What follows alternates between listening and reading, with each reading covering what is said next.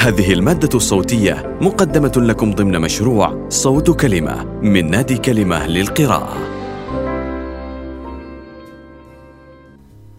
من يدفع ثمن قهوتك؟ من كتاب المخبر الاقتصادي لماذا الأغنياء أغنياء والفقراء فقراء؟ ولماذا لا يمكنك شراء سيارة مستعملة بحالة جيدة؟ للكاتب تيم هارفورد تدقيق لغوي أفراح السيابي هندسة صوتية زينب السيابي تعليق صوتي لميا الشكري. سواء كنت تعيش في نيويورك أو طوكيو أو أنتويرب أو براغ يعتبر استخدام المواصلات العامة يوميا في الرحلات الطويلة للذهاب إلى العمل والعودة منه. تجربة حياتية مألوفة في مدن العالم الكبرى. وهذه الرحلات اليومية لها تأثير عام وتأثير خاص على نحو يفقد المرء حماسه. فالتأثير الخاص يحدث لأن كل راكب بمنزلة الفار الذي يدور في متاهته الخاصة، فهو يقيس الزمن الذي يستغرقه بدءا من حمام الصباح حتى الوصول إلى ماكينة التذاكر بمحطة المترو. ولكي يسرع من انتقاله بين القطارات المختلفة تراه يعرف جداول مواعيد القطارات والاتجاه الصحيح للرصيف ويفاضل بين مساوئ الوقوف في أول قطار يمر عليه وبين الجلوس في آخر قطار. ومع ذلك فإن هذه الرحلات اليومية ينتج عنها تأثيرات عامة مثل ساعات الذروة والاختناقات المرورية التي يستغلها أصحاب الأعمال لصالحهم في جميع أنحاء العالم، وتختلف رحلتي اليومية هنا في واشنطن العاصمة عن رحلتك في لندن أو في نيويورك أو في هونغ كونغ، ومع ذلك فإنها ستبدو مألوفة على نحو مدهش. تقع محطة مترو فارجوت ويست في موقع مثالي لخدمة البنك الدولي وصندوق النقد الدولي وكذلك البيت الأبيض. في كل صباح يظهر الركاب سريعو الغضب الذين لم ينالوا قسطا كافيا من النوم وهم خارجون من محطة فاراجوت ويست قاصدين الطوابق المختلفة في مجمع انترناشونال سكوير بحيث يتعذر أن يحيدوا بسهولة عن طريقهم المعتاد إنهم ينشدون الابتعاد عن الضجيج والصخب حول السائحين المتجولين ويريدون الوصول إلى مكاتبهم قبل وقت قليل من وصول رؤسائهم. وهم لا يرحبون باستخدام أي طريق غير طريقهم المعتاد.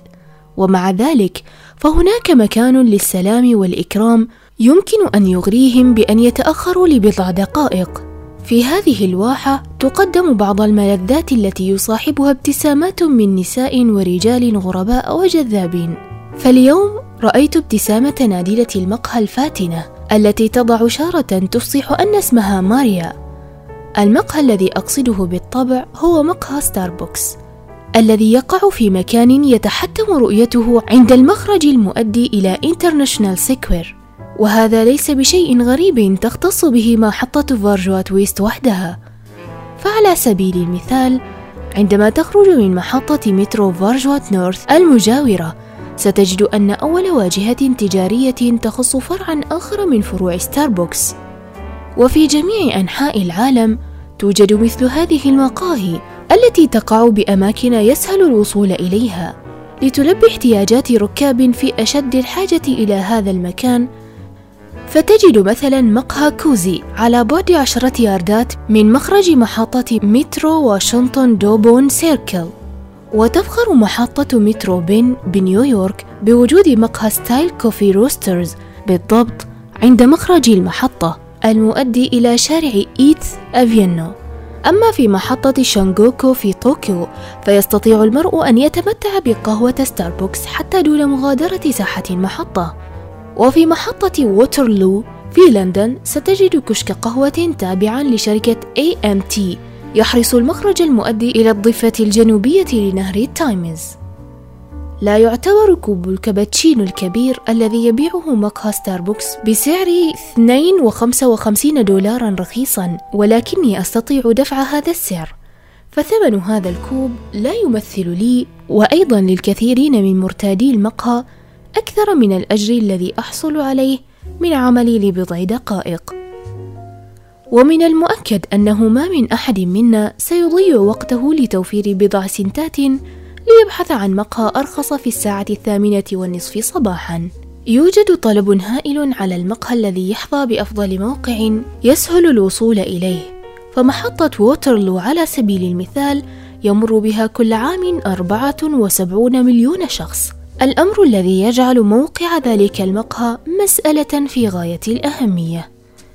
لا يعتبر موقع مقهى ستاربكس في محطة فارجوت ويست موقعا ذا قيمة لأنه يقع على طريق حتمي نشيط لمرور الناس بين أرصفة المحطة في طريقهم إلى خارجها. وإنما أيضا لعدم وجود مقاه أخرى على طول الطريق فلا عجب إذن أن يحقق هذا المقهى أرباحا طائلة. وإذا كنت تشتري مثلي قدرا كبيرا من القهوة فربما تستنتج أن شخصا ما يثرى ثراء فاحشا من وراء ذلك. وإذا كانت الشكاوى التي تنتشر في الصحف بين حين وآخر حقيقة فإن البن في فنجان الكابتشينو لا يتكلف سوى بضعة سنتات. وبالطبع لا تخبرنا الصحف بالقصة كاملة فهناك البن والكهرباء وتكاليف الأكواب الورقية والراتب الذي يدفع لماريا. كي تبتسم طوال اليوم في وجه الزبائن كثيري الشكوى. ولكن لو كل هذا سيظل الناتج أقل بكثير من سعر كوب الكابتشينو. يرى أستاذ الاقتصاد براين ماكمانوس أن هامش الربح في القهوة يكون قرابة 150% فتكلفة إعداد كوب من القهوة المقطرة الذي يباع مقابل دولار لا يتكلف في الحقيقة سوى 40 سنتا. أما كوب القهوة الصغير المضاف إليه اللبن الساخن الذي يباع بسعر 2.55 دولار فيتكلف أقل من دولار.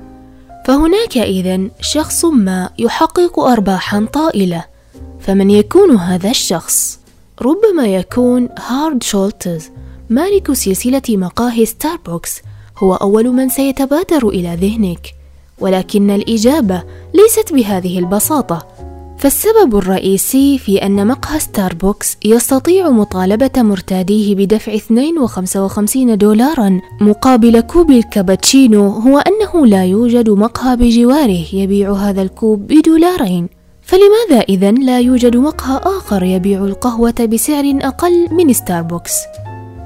وبدون أن نبخس السيد شولتز حقه فالكابتشينو في حقيقة الأمر ليس منتجا معقدا لا يعاني السوق أي نقص من الكابتشينو الصالح للشرب وللأسف لا يعاني أيضا أي نقص من الكابتشينو غير الصالح للشرب. والمرء لا يحتاج إلى الكثير كي يشتري بعض ماكينات إعداد القهوة ومنضدة طويلة وبناء اسم تجاري ببعض الدعاية وبعض العينات المجانية وتعيين طاقم عمل مهذب. فحتى ماريا يمكن استبدالها بأخرى.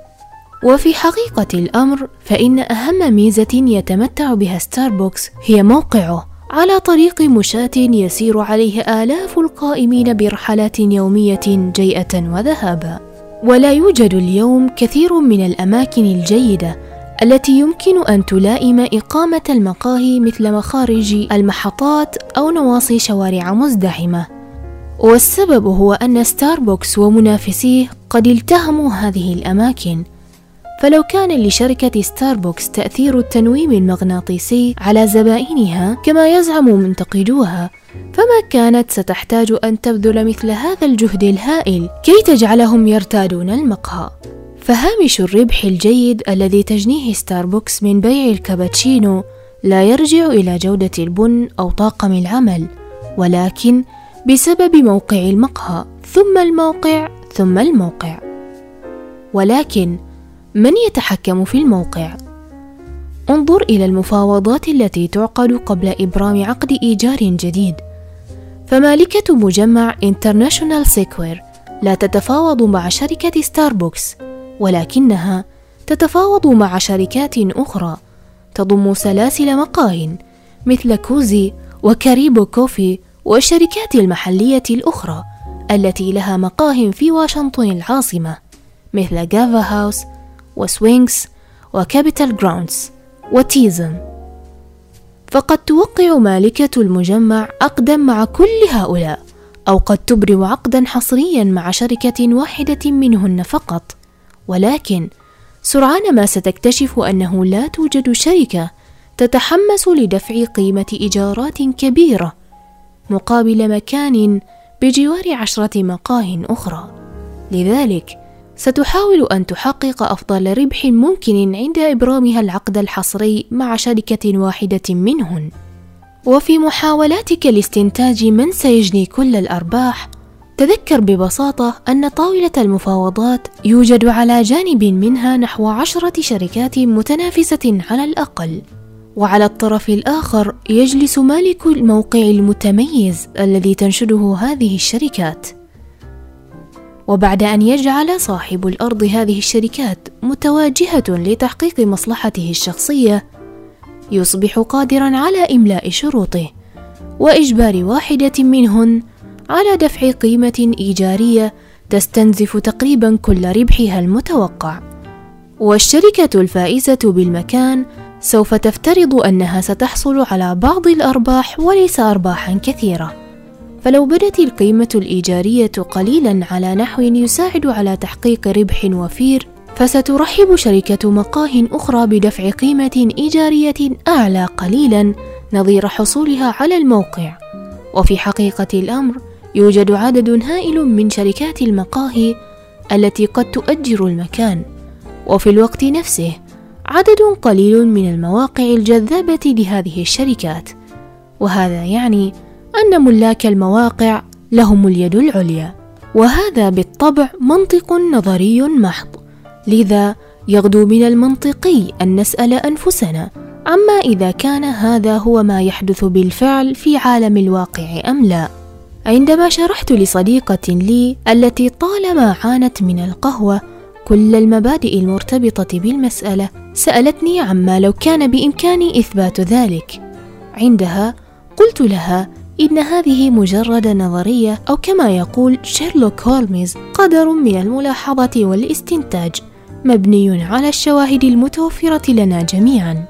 وبعدها ببضعة أسابيع أرسلت لي مقالا من صحيفة فاينانشال تايمز اعتمد على دلائل قدمها خبراء في الصناعة ممن يطلعون على حسابات شركة سلاسل المقاهي. بدأ المقال بجملة عدد قليل من الشركات يحقق أرباحا طائلة. واستنتج أن إحدى المشكلات الرئيسية هي التكاليف المرتفعة لتشغيل منفذ بيع للمستهلكين في مواقع متميزة تتمتع بحجم هائل من التجارة العابرة. وفي الواقع فإن قراءة الحسابات أمر يبعث على الكآبة في حين أن العمل الاقتصادي الاستقصائي هو الطريقة الأسهل للوصول إلى نفس النتيجة.